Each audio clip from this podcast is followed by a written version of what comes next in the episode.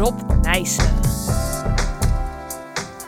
Zitten we weer. Ja, en we gaan het deze keer hebben over een project met Japanners, hè? Ja, Want je zei je hebt altijd graag in Japan willen bouwen. ja, ja. Helaas nooit gelukt. Tot nu toe.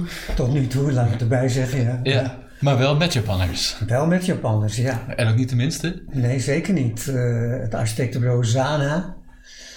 Twee eh, beroemde architecten uit Japan. eh Ryui eh, Nishizawa en eh, Sejima. eh, nou, de naam even kwijt, maar Sejima is een voornaam in ieder geval.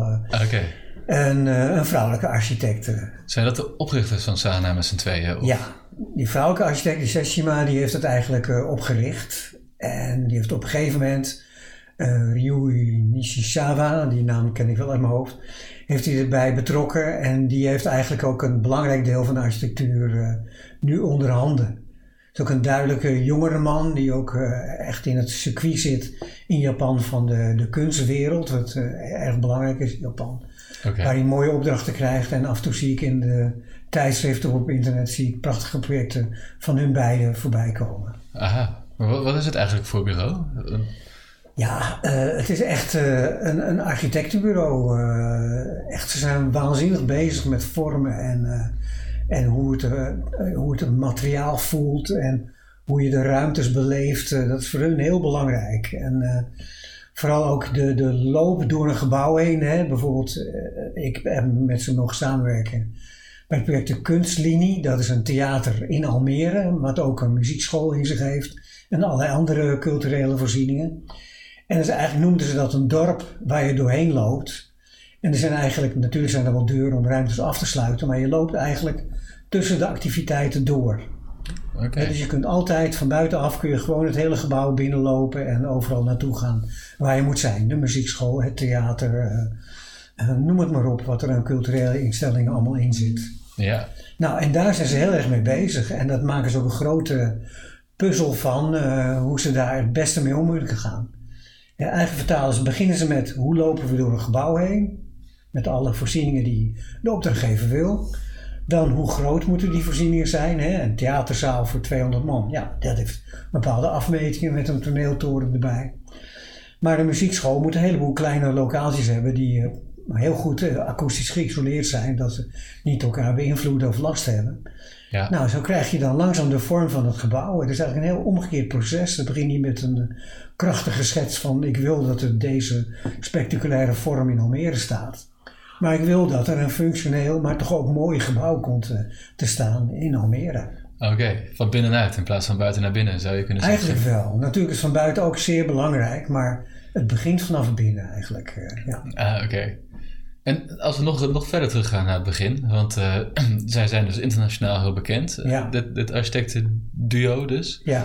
En ehm, hoe is die opdracht dan eigenlijk tot stand gekomen? Was dat een prijsvraag? Of? Ja, het was een prijsvraag. Eh, Dat zie je de laatste jaren bijna niet meer. Ja, dat een groot publiek gebouw, in dit geval dus een theater voor, eh, en eh, culturele voorzieningen, voor een stad als Almere, hè, dus de derde stad van Nederland, vergeet je niet. Hè, dus, Echt waar? ja, het groeit en groeit en groeit, constant. En eh, hier moet er veel nieuw gebouwd worden, dus er moest iets bijzonders zijn. Dus die hebben toen voor eerst iedereen de hele wereld uitgenodigd om met een eerste idee te komen. Oké. Daar hebben ze er vijf van uitgekozen.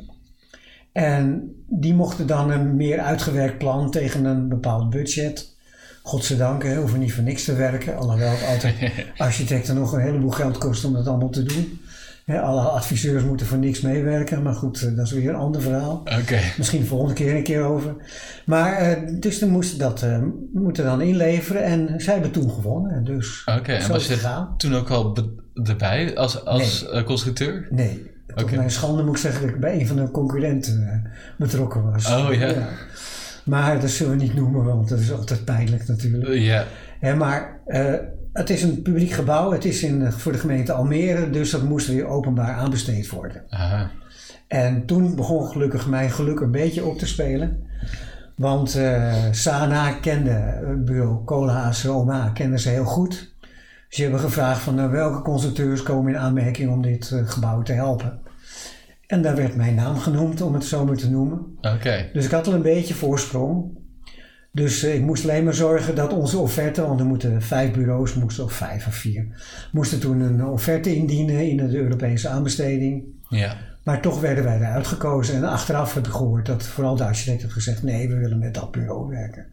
Met ABT, met Rob Nijssen.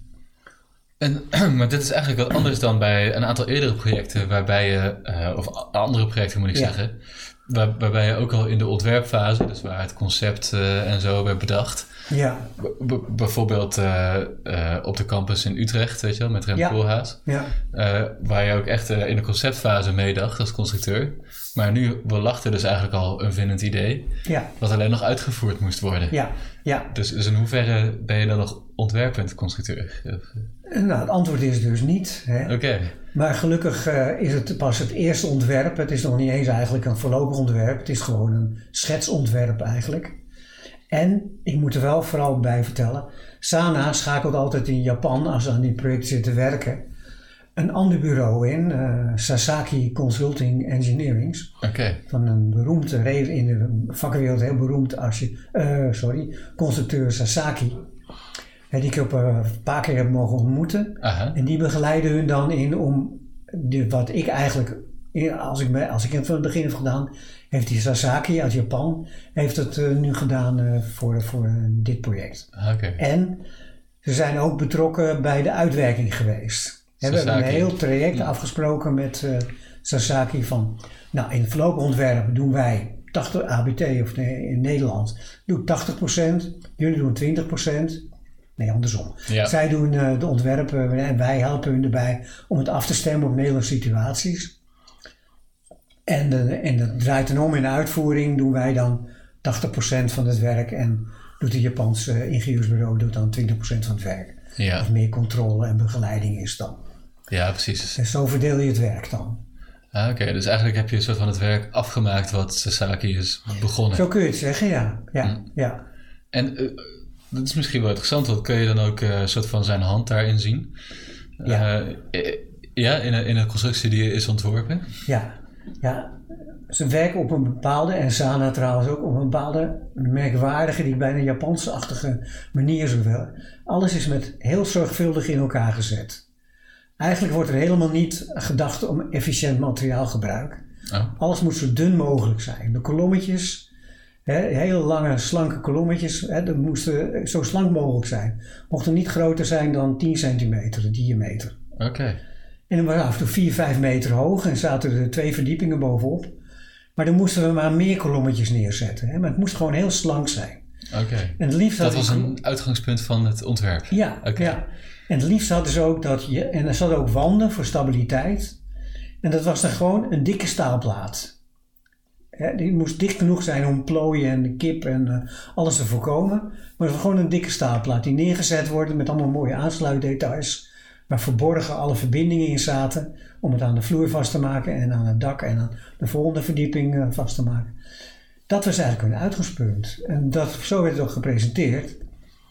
En ja, ik dacht toch, oeh, dat gaat in Nederland natuurlijk helemaal mis. Maar eh, de architect was A daar zeer sturend in, in de zin van, zo wil ik het. En, mm, als ik zei, ik, heb liever een dikker klommetje. Nee, niet over te praten, dan maak je er maar twee naast elkaar. Of, eh, hè, maar moeten dat... eh, en wat ze ook wilden is, die moest ergens binnenkomen en dan moest je eigenlijk niet door regelmaat worden afgeleid. Oké. Ja. Dus er moesten niet kolommen in een rij staan hè, en dus op boven zat een wand, wist je dan, als constructeur. Ja. En nee, dan moesten ze maar zo'n beetje gespreid staan en moest je maar in de vloer zorgen dat die krachten allemaal horizontaal verplaatst werden van de wand op de vloer, in de vloer, naar de kolommetjes eronder. Ah, oké. Dus precies datgene wat wij op de TU altijd zeggen tegen studenten dat ze dat niet mogen doen. Juist, ja, dat, het. nu wel. Ja. Oké. Ja. En ik vond dat heel fijn om aan te werken. Want dat geeft je gewoon als constructeur echt, ja, niet alleen een uitdaging, maar ook dat je echt bezig bent met de architectuur te vertalen in een constructie die daarbij hoort. Ja. Hè, dus dat, dat, dat, dat gaf mij echt een heel prettige werksfeer. Oké. En ehm, ja, misschien is het een goed moment om dat je even het gebouw beschrijft. Ja, Dus eh, je zei al, eh, dunne kolommetjes, eh, hele Ja. slanke stabiliteitsbandjes, ja, ja, niet verticaal doorlopende dragers. ja. dikke vloeren ongetwijfeld. Ja, maar alles in staalconstructie uitgevoerd. Oké. Ja, dus eigenlijk waren de wanden, dat waren dikke staalplaten. Over het algemeen hoor, er zijn ook andere wanden natuurlijk.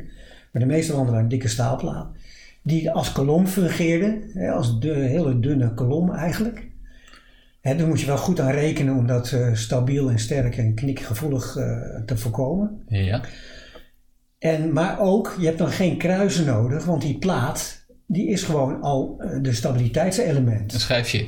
Ja, plus, en daar kwamen de Japanners natuurlijk mee, van nou, ze hoeven alleen maar die plaat af te zagen, in een kleur te spuiten, verbindingjes aan te lassen. Ja, dus hoeveelheid werk valt ook wel mee. Mm. Het zijn gewoon domme kilo staal, Ja. die je gewoon voor de materiaalprijs koopt en neerzet. En ik vind dat eigenlijk, is dat een heel mooi concept. Ook als je vanuit eh, herbruikbaarheid, hè, je kunt die plaat weer loshalen, kun je de verbindingjes eraf slijpen en dan heb je weer een staalplaat die je ergens anders voor kunt gebruiken. Voor de huid van een schip of eh, een dak of eh, noem maar op. Ja. Dus er zitten heel interessante aanknopingspunten aan voor de, voor de Nederlandse of de Europese industrie, moet ik eigenlijk zeggen. Ja. Ik vind het ook interessant dat ze dus ook echt nadachten over hoe dat materiaal eruit, wat het voor materiaal moet zijn Ja. en hoe dik het moet zijn en zo. En Ja, ik, ik krijg het idee dat vaak eh, dat soort zaken door Nederlandse architecten, ja, ik wil niet te grof generaliseren, maar dat dat meestal gewoon een beetje wordt overgelaten aan de constructeur en de dat aannemer. is ook zo. Dat is ook zo. Dat ze gewoon ja. zeggen van nou, dit, dit zijn de vormen en de ruimtelijke belevingen en zo. Ja, ja. Maar precies hoe het gemaakt wordt, dat, dat, eh, dat ze dat eigenlijk eh, niet hun domein vinden. Ja, ja, ja. Nee, maar Japanners denken, hè, en dan klinkt het weer heel gek, gekscherend, maar die denken helemaal anders. Die denken echt van materiaal, wat kan ik ermee doen? Kan ik het vouwen? Kan ik het dingen? Die prachtige kraanvogels die ze vouwen en alle andere vormen uit een stuk papier. Ja, Dan zitten ze echt na te denken van hoe kan ik die vorm maken, maar ook hoe kan ik hem al stevig genoeg maken dat die blijft staan. oké. Dus ze zijn echt op een andere manier benaderen ze het hele ontwerpproces. eh. Meer als een ambacht eigenlijk dan. eh, Eigenlijk een zuiver ambacht waar je leert van materiaal, luistert naar het materiaal. Materiaal zegt dit kan ik wel en dat kan ik niet. En dan kun je dus denken, nou wat kan ik als mens doen om sterker te maken? Nou met vlak papier kun je het vouwen en dan wordt het sterker door. Nou, dat, zo, zij denken meer in die richting. En dat doen ze al honderden jaren zo. Dus daar kunnen we echt veel van leren. Ja. Ja, En ze zijn ook een soort spiritueel wat dat betreft. Heb ik, het, ik weet er helemaal niks van. Maar dat ze eh, het gevoel hebben dat iets een ziel heeft. Of Ja. een spirit of zo. ja, ja, ja, ja. daar zijn ze inderdaad een beetje geheimzinnig over. Ja. Ik heb zelfs het idee dat ze zich voor schamen. Oh, Want hè, maar ze vinden het heel belangrijk dat iets een ziel krijgt, een, ja, een eigenheid zou ik bijna zeggen. Ziel is een beladen woord uit de katholieke kerk, die naar de hel wordt gestuurd of niet. Ja, maar, is- maar zij zien meer in, ja, een steen heeft een ziel. Oh ja, een geest of zo. ja, nee, ook geen geest. Het is, Oké.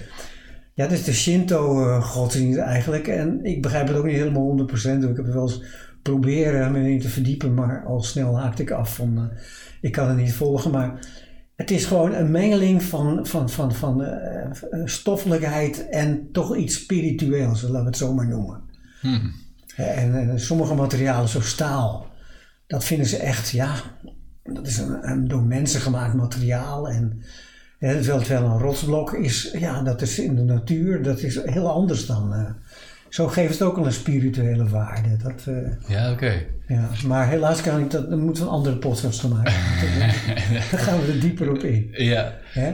Maar eh, je hebt als constructeur samengewerkt met architecten, denk ik, die over de linie toch iets meer analytisch of intellectueel waren. Hè? ja. Meer van de ideeën Ja, en eh, van, eh, ja, een, probeer een origineel idee, probeer een nieuw archetype of eh, een andere vorm, iets. eh, ja, eh, maar, maar hier lijkt het alsof het veel meer benaderd wordt op, ja, op spiritualiteit en op materiaal en ambacht. En merk je dat, dat, je daar, dat jij daar als constructeur dan ook anders moet gaan, je werk gaan doen? Of kun je een beetje hetzelfde eh, blijven werken? nou ja, kijk, je moet gewoon aan de normen voldoen en het gebouw mag niet Ja, instorten. hè? Ja, Het moet ook bouwbaar zijn. maar je kunt natuurlijk op eh, manier A of op manier B aan de norm voldoen. Eh, Ja, maar goed, eh, er zijn altijd strenge ambtenaren en verzekeringsmensen die jouw eh, rekenwerk eh, en tekenwerk gaan nakijken.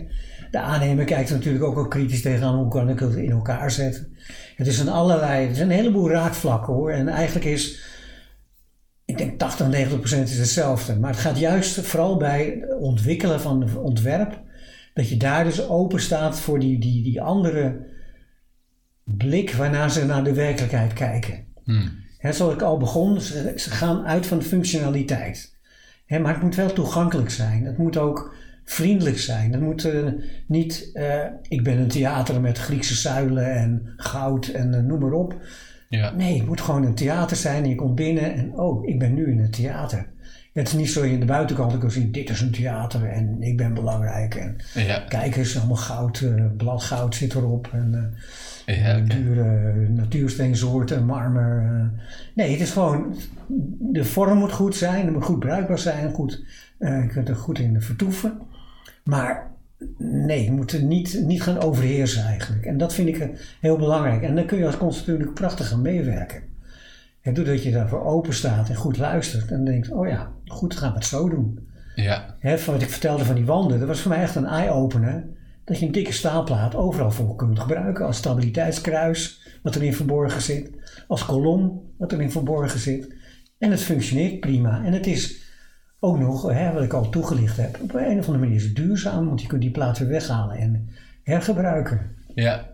Ja, maar je zou, om dat voorbeeld te nemen van die stabiliteitsplaat, Ja. je zou er ook tegenin kunnen gaan, helemaal als aannemer. Dan zeggen, weet je wat, we voeren het uit als twee kolommen met een kruis ertussen en we bekleden het met gipsplaten en we verven het eh, dezelfde kleur als... dat waren ook een van de bezuinigingsvoorstellen van, eh, van Ja. de aannemer. Want natuurlijk was het allemaal veel te duur. Ja, En dan moest er weer bezuinigd worden.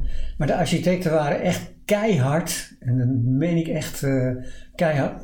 Niet over te praten. oké. Er was gewoon echt niet over te praten. Dat, eh, Dus zijn ze er wat dat betreft denk je in geslaagd om die e- eigenaardigheid, zoals je het noemde, die de Japanners eh, hebben in onze ogen, of ze dat dan ook in dat gebouw hebben kunnen laten ja, landen? zeer zeker. Zeer zeker. Want hè, ik moet nog één belangrijk uitgangspunt maar vertellen. Het ligt aan de rand van het grote winkelcentrum van Almere. Met een grote parkeerhuis eronder allemaal ge- gebouwen, ook van allemaal verschillen. Andere architecten hebben daar een mooi gebouw mogen neerzetten. Maar het ligt aan het water eigenlijk en het moest, voor meer dan de helft moest het in het water liggen. Oké. Nou is het een, een zandplas, dus het loopt langzaam loopt het water af eh, van eh, zeg maar nul bij het strand tot eh 1 meter, 20 meter verderop. Eh, het is niet echt meteen eh soort 20 strand. meter diep, het is echt een strand. Dus we moesten in het water bouwen. Dat vonden de architecten ook heel interessant, want ja, dan staat je gebouw staat in het water, of de helft in het water, of de ene helft in het water, de andere helft op het land. En dus je loopt ook echt met een iets opgetilde vloer, loop je boven het water eigenlijk. Op sommige plekken waar gangen uitkomen op een wand, zit gewoon een glazen plaat en zie je de buitenkant. Het is een kleine concertzaal waarin pianoconcerten gegeven worden. Die heeft een glazen achterwand en dan kijk je over het water uit. Ah ja. Het is natuurlijk een prachtig gezicht. Ja. Hè, het leidt ook niet af. Ja, een beetje. Hè, je ziet de wolken en eh, misschien af en toe eens een eend voorbij komt. Een zeilbootje. Hè, voor, voor een zeilbootje in de verte. Maar dat is, dat is dus zo eh, gedaan. En dus het is, zit allemaal, hoort allemaal bij elkaar. En je maakt een wandeling en af en toe zie je dan het water ook aan de buitenkant. Oké. Dus het is echt vervlochten met de omgeving. Ja. En af en toe zijn er ook binnentuinen. Oké. Hè, om de natuur weer eh, zichtbaar te laten zijn. En ook rust voor je ogen. Hè, dat je niet het idee hebt dat je in een of andere machinefabriek eh, verzeild bent geraakt. Maar in echt een, eh, cultureel centrum. Dus dat, dat is prachtig gedaan en dat, eh, dat werkt ook. Ja, oké. En eh, eh, als zij heel streng zijn, hè, hebben ze dan, zoals je zei, dat ze dus eh, echt eh, letten op die uitgangspunten die ze hadden. Ja, zet- hebben ze dan ook iemand eh, in Nederland? eh, dus komen zij dan hierheen met z'n tweeën of één iemand? Of ja, hoe, ja dat hoe is gaat die samenwerking? verhaal. Want eigenlijk kwamen ze één keer per maand, kwam het hele Japanse ontwerpteam, in de ontwerpfase praat ik nu over hoor, kwam naar Nederland. Hoeveel, me- hoeveel mensen zijn dat? Dat waren een stuk of zes mensen wel. eh. Ja. Waaronder ook de constructeur. Oké, Dat is een jonge Japanse constructeur, eh, Masahiro Ikeda. Daar kon ik gelukkig heel goed mee opschieten. oh ja. En, eh, ja. en die, kwamen dan, die kwamen dan voor een paar dagen, meestal ongeveer de orde van een week, kwamen ze naar Nederland. En dan vonden andere overleggen plaats, met de opdrachtgever natuurlijk. Maar ook met, eh, met alle constructeurs, met, eh, met de, de, de installatiemensen, met de theatertechniekmensen. Het waren allemaal grote vergaderingen. En er kwam ook altijd, een van de architecten kwam altijd mee. Van de hoofdarchitect. Van de hoofdarchitecten, ja. Dat was ook een eis van de gemeente, dat ze dus bij betrokken waren. En dat ze niet eh dat een bureau de boel lieten uitwerken, maar echt er betrokken bij waren. Oh ja. Maar dat, vind, dat vonden de architecten ook heel fijn, want ja, zo bouw je eigenlijk ook een, een, een, een, een, innige band op met, met je ontwerp. Ja. En ik wil zeggen, nou, ik maak een schets, zo, zo moet het worden. hè. En dan eh, kom ik af en toe eens kijken of het er nog op lijkt. Maar nee, het is echt betrokken bij het proces. Maar, daar kan ik wel een beetje een eh, anekdote over vertellen. Ja. Zij zijn echt de baas hè, in Japan. Oh, hiërarchisch. Ja, hiërarchisch. Ik heb een keer een vergadering meegemaakt. Toen kwam eh, die Sashima kwam dan een beetje ziek uit het eh, vliegtuig terecht van jetlag. Van, die werkt over de hele wereld ook. Oké. En ja, het was niet al te sterk iemand, eh, tenminste fysiek sterk iemand. Dus die had vaak allemaal last. En die zat met een dekentje achterin. En er kwam helemaal niks, eh, kwam, er kwam geen woord kwam eruit. Ja. Maar er was de, de haar hulparchitect, om maar zo te noemen, die waren aan het vertellen dan. En we hebben de entree hier verplaatst, want jullie willen hier eh, de vrachtauto's hebben. Nou. En dan was het op een gegeven moment. Oeh, en dan schrokken ze zo. Ja. Ze oh no, sorry. uh, Mr. Shima says that this Oké. Dus ze volgde het intens eh, nog steeds. eh. Ja, ja, Ja. Maar zij sprak dus ook geen Engels. Niet echt goed. Nee, Oké. nee. En dan schamen ze zich ook een beetje voor. En dan, eh, dan zeggen ze zo weinig mogelijk. Ah, oké. Daar ben ik ook achter gekomen. Ja. Dus de, de jonge architecten die, die waren dan echt eh, actief aan het Die waren heel actief. praten, ja. tekenen, luisteren, denk ja. ik. Ja, En dan de, de baas, de bazin, ja. die, die, eh, die luisterde mee en, als ze, en af en toe greep ze in. Ja, ja Oké. greep ze in. Ja, In zo het Japans dus. Ja. Ja. Maar die praten zij dan ook direct met jullie ook wel? Of, eh, ja hoor, maar haar Engels was niet al te best. Dus dat, dat, dat deed ze liever niet. eh. Oké. dan voelden ze zich in hun eer aangetast. Hm. Je kon wel vragen stellen en als het niet in een vergadering was, dan ging het veel makkelijker hoor. Dan probeerden ze ook gewoon eh, mee te doen. Oh ja. Maar in officiële vergaderingen, zeker waar de opdrachtgever bij zat. en die hadden ook weer een eh, bureau ingehuurd om te helpen met het management. En dus er was dan een aardige vrouw die dat leidde. Die begreep ook goed hoe het allemaal werkte, ook in Japan. Want je moet wel, je, moet, je, je werkt met een andere cultuur en dan moet je toch rekening mee houden. Je kunt niet meer zo zeggen, we zijn in Europa en hier doen we het zo. Ja. Nee, dat moet heel voorzichtig en, en, eh, en eh, ja, met veel buigingen, bij wijze van spreken, moet het, eh, moet het eh, overleg gebeuren. Oké. Ja. Maar dat ging heel goed, eh, gelukkig. Ja, want in die momenten dat zij dan eh, niet in Nederland zijn, Ja, dan kan ik me voorstellen dat je ook af en toe de telefoon wil oppakken. ja. Of, eh, ja nou, dat deden we ook hoor. ah, Oké. En er zit eh, ongeveer tien uur tussen, tussen Daarom. Japan en... eh, maar dat maakt niks uit. Dus ze waren altijd op kantoor. Oké. Ik ben ook twee keer bij hun op kantoor geweest. Aha. En volgens mij sliepen ze gewoon achter de koffieautomaat hoor. Er lagen allemaal matrasjes en dat soort dingen. Eh, Natuurlijk gingen ze wel naar huis als het nodig was, maar als ze moesten doorwerken, er moest een fase afgerond worden bijvoorbeeld, dan werd er echt dag en nacht gewerkt. Oké, dus jij kon gewoon om tien uur s middags Ik kon eh, gewoon altijd bellen, ja. Ja. En er werd altijd geholpen. Ja, dus dat, eh, dat was eigenlijk geen enkel beletsel. Oké. Of het gezond is, dat laat ik eh, in het midden, maar Ja, ja, precies. Want Ja. die, die dame, ik kan haar naam niet onthouden. Seshima. Ja, die was dus al eh, wat... eh, die had zichzelf een beetje over de kop gewerkt. Of eh, Ja, ja. met al het reizen en Ja, dergelijke. ja, en, ja. ja, dat was maar één keer hoor, dat was niet constant. Oh. Eh, maar dit was wel, viel wel op, om het zo maar te zeggen. Nou ja.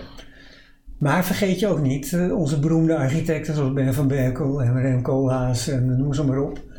Die in het, in het oosten werken, die maken dezelfde problemen mee hoor. Ja, Die zitten ook 12 uur in een vliegtuig en dan moeten ze eerst naar Tokio en daarna moeten ze meteen door naar, eh, naar Melbourne en dan weer naar San Francisco en dan weer naar eh, Stuttgart. eh, en, maar, en maar vergaderen en maar uh, ouwe hoeren bij wijze van spreken. ja, ja. Ja, dat gaat niet in je koude kleren kiezen. Nee, hoor. Die hebben ook altijd een beetje verkouden Ja, verkouden, Ja. voelen zich niet echt uitgerust en vitaal. Mm. Het is een slopend vak hoor, dat weet ik zeker. ja. En Oké, en, en, en het hele ontwerptraject, eh, waar ze dus, eh, zoals je zei, elke maand eh, een poosje, een paar dagen in Nederland Ja. overleggen en zo. Ja. Hoe, hoe, hoe lang was dat traject? Ik denk anderhalve, twee jaar. Oké, zo Ja. lang nog, om het helemaal uit te Nee, werken. want we hebben helemaal een bestek gemaakt. Dat is toen ook aanbesteed. En dat is gelukkig goed gelukt. We hadden ook allemaal slimme dingen bedacht hoe je in het water kan werken. Hè. Je kunt, in het water kun je dus vanaf een platbodem kun je de palen slaan. En dan hadden we dus prefab eh, pa- eh, koppelen, de palen te koppelen. De palenpoeren hadden we gemaakt. Die er overheen glijden en storten we dan vast. En daar ging een systeem van prefab balken overheen die net zo hoog waren als de poeren. Die er met een tandverbinding erin vielen. En daar bouwden we eigenlijk de begaande grondvloer op. Hm. Dus we hadden heel, konden relatief makkelijk in het water werken. Dat eh, Oké, en dat moest allemaal uitgewerkt worden. En... ja, moet allemaal uitgewerkt worden en berekend. En, eh, goedgekeurd door Wouterzicht en door de verzekeringsmaatschappijen en de aannemer, et cetera. ja. Ja, en door de Japanners die echt alles nakeken. Echt of alle boutjes precies in een bepaald patroon zaten. Maar dat was heel belangrijk. En er werd echt nagekeken hoor. Dus dat wordt, moest allemaal, het, alles, moest, alles moet in harmonie met elkaar zijn. Dat, dat zeiden ze steeds. Oh ja. Must be in harmony. Dus eh, ja, ja, oké. Want ik had wel eens uitgerekend, we kunnen beter twee grote bouten maken dan een rij van, eh, van tien eh, kleine boutjes. Nee, nee, nee, nee, nee, dat moest zo. Dat was gewoon niet over te praten. Dat, en dus het is veel meer dan Nederlandse architecten eigenlijk dat ze er bovenop zitten Ja. wat dat betreft. ja, ja. Oké. Kostte ook zeeën van tijd. Hm. Maar dat hebben ze ervoor over en dat gebeurt gewoon. Goh. Oké, en het uiteindelijke gebouw is het, eh, ja, volgens mij zei je al dat, dat je het heel mooi vond, maar Ja, is het eh, dat waard geweest, denk je? ja 100 procent. En, en, en de gemeente Almere heeft ook een prachtig gebouw gekregen. Wat echt duidelijk anders is qua architectuur en qua beleving dan het standaard Nederlandse theater cultureel centrum. Hm. dat is echt gelukt. En ook nog wel aardig om te vertellen is, alles is wit. Ja. In het begin probeerde de projectleider van de gemeente nog wel eens van, nou kunnen we niet een beetje baksteen hier en daar. Baksteenstrips, ja. bij wijze van spreken. Hè? Of een, eh, mooie, mooie natuursteen of eh, een ander kleurtje dan wit. nee, alles moet wit en alles moet strak en in elkaar overlopen zonder zichtbare verbindingen. Echt alles is perfect uitgevoerd. Oké. Ja, dat is grappig. Ze winnen zo'n prijsvraag en dan mogen ze ook het dictator spelen eigenlijk eh, in ja, het ontwerp. Ja, ja, ja. En gelukkig krijgen ze van de gemeente Almere de ruimte. Maar in ruil daarvoor krijgt de gemeente Almere ook een uniek en prachtig gebouw. Ja, totaal kunstwerk eigenlijk. Ja, ja. Hm. En als je, dat, als je een plaatje laat zien aan iemand die goed in architecten is ingevoerd, zie je meteen, oh, dit is een SANA-project. Ah ja. Over de hele wereld wordt het gebouwd en als ik ook zie, oh, dat is een SANA-project. Ik zie het bij wijze van spreken in één oogopslag. Dat het, het is allemaal die filosofie die ze hebben, die, die, die denkwijze en die, die, die, eh, die harmonie eh, streven erachter. Dat het echt eh, ja, mooi, en, maar toch heel herkenbaar eh, doet zijn. Hm. En heb je ook nog met andere internationale architecten samengewerkt, behalve hem? Nee, eigenlijk niet. Ja, met Peter Zoemtoor heb ik nog mogen Oh, ja? werken aan de meelfabriek eh, in, eh, in Leiden. Dat was een groot complex op de oude stadswallen gebouwd van de middeleeuwse stad. Ja. Echt uit de jaren, eind jaren 19e eeuw, 1890 gebouwd. Grote silo's van beton, en later zijn toegevoegd hoor, maar de meelfabriek is in 1890 begonnen. Grote silo's van 30, 40 meter hoog, waar het graan werd ingebracht voor de meel van te maken. Heel raar, een fabriek midden in de stad, maar dat eh, was toen normaal. En dat complex stond er nu, dat werd nu niet meer gebruikt. En er moest dan verbouwd worden tot een hotel, tot een sportsalon, tot een. eh, nou, allemaal van die, die, die algemene functies voor de stad. Ja. En er werd toen eh, door de opdrachtgever werd toen Peter, Peter Soender gevraagd. Daar heb ik nog mogen meewerken. Oké. Ben een paar keer geweest in zijn kantoor in Haldenstein. Dat is gewoon een soort verbouwde boerderij eh, waarin allemaal eh, architectuurmedewerkers zitten. Ja. Peter Toentro met zijn vrouw ook zelf woont. Oké. Heel leuk. En we hadden ook. En- Maar die werkt totaal anders dan, eh, dan dan Sana bijvoorbeeld. Oké, meer zoals een Nederlandse architect zou werken. Ja. Of ook weer anders. Ja, nou ja, heel bijzonder, laat ik het zo zeggen, heel anders. Hij, hij schetst constant. Mm. Ik heb helaas nooit de schets van hem kunnen jatten, maar eh, Ja. daar werd echt heel, eh, heel goed op gelet. Aha. Eh, andere architecten zijn wat slordiger in, maar deze niet, de Peter Zoentel. En dan wordt er eerst, en het klinkt heel raar, wordt een grote maquette gemaakt. En in dit geval is het een bestaand ding. Dus dan werden er gewoon, en er werden ingrepen gemaakt. Hè? Hoe kunnen we van die silo's een, allemaal hotelkamers bovenop elkaar maken? Nou, dan zei ik van ja, dan moet je, zei nou, we willen een groot gat maken voor de lift eh, en voor de trappenhuizen. Ja. En waar kunnen we dat maken? Nou, oké, kan hier, hier, hier. Dan wees je dat gewoon aan in de maquette. En dan werd gewoon wordt er ja, en de ondersteuning, hè, want er komt, alles komt bij elkaar in een punt in de silo. Ja. Hè, wat kunnen we weghalen van die, van die punt? Nou, niet zoveel, maar misschien kun je hier wat doen en daar wat doen. Sleuven in maken en dan een extra kolom onder de wanden zetten en kun je dit weghalen. Zo zaten we eigenlijk te werken. Oké. En dan zat Peter Zoemto constant, zat hij dan op, zat hij zo, keek hij echt zo'n beetje wazig voor zich uit. Zei hij, oké, dan maken we die silo maken we zo. En onderhand was hij aan het schetsen, terwijl hij niet eens naar de schets keek. en ja, dan, moet je hier een kolom zetten, maar ja, daarachter zit dat. Ja, nee, nee, nee. Ja, kunnen we niet dat aan de andere kant doen? En zo was je aan het werk. Oké. Echt in zijn hoofd. En meteen op papier vertaald. En dat werd meteen vertaald in de maquette. En Redelijk uniek dus. eh. Ja, ja. Nou, daar moeten we misschien een keer een andere podcast aan wijden. Maar de reden waarom ik het natuurlijk vraag is omdat ik benieuwd ben hoe, het, eh, hoe, je dat kan, hoe dat zich vergelijkt met eh, hoe, hoe de architecten van Sana werken. ja, Of die ook eh, aan het schetsen zijn of maquettes gebruiken of misschien juist alles in de computer. Of, ja, ja, ja, nou dat laatste, dat, dat zie je natuurlijk steeds meer nu. En nu heb ik wat minder bindingen mee, omdat ik eigenlijk al met pensioen ben, officieel. En maar, dus ik denk dat die computer wordt nu steeds belangrijker. ja, maar hoe deden zij dat? Hadden zij handschetsen bij zich, handtekeningen? Of Altijd, ja, altijd. Eh, ja, ja, de, de mensen van Sana dus? ja. Ah, oké. Ja. Maar dit, hier praten we natuurlijk ook over 20 jaar geleden of zo. Zoiets, ja, ja, ja, Ja. ja. Nou, de computer kwam al op hoor. Maar er werd eigenlijk vertaald vanuit platte tekeningen, doorsneden en plattegronden in een ruimtelijk model. Mm. En vooral de installaties, we moesten daarin tekenen, want daar loopt het altijd mis hè, met eh, eh, buizen en, en, en kanalen, luchtkanalen vooral. Ja, Hè, die overal tegen erheen moeten en omheen moeten en eh, noem maar op. ja oké. Ja, en ik denk dat het nu, ja, ik weet het eigenlijk niet, maar ik denk dat de architecten ook gaan schetsen op de computer of de- op, eh, op hun tablet. Hoe ze dat nu doen. Ja. Ja. en dat, dat wordt doorgestuurd en dat wordt dan vertaald in de technische tekeningen. Mm. Ik weet niet of jij wel ervaring mee hebt, Aten. ja, ik denk dat iedereen zijn eigen stijl daarin heeft. Hè? Nee, maar vooral die automatisering gebruiken. Oh ja, dan gaat Jij schetst gaat- ook op, op je tablet eh, Ja, dingen uit. ja.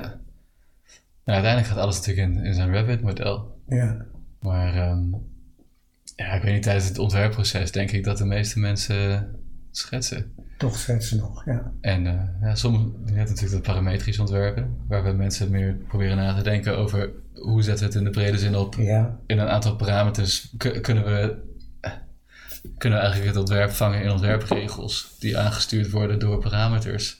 En dan daar, dat daarin spelen om het eh, steeds wat eh, te, fi- te fine-tunen. ja. en binnenkort hebben we dus artificial intelligence, die de taak van architect Ja, overneemt. precies. Oké, ik denk dat dit een mooi punt is om te af te sluiten van onze podcast. Eh, ja, precies.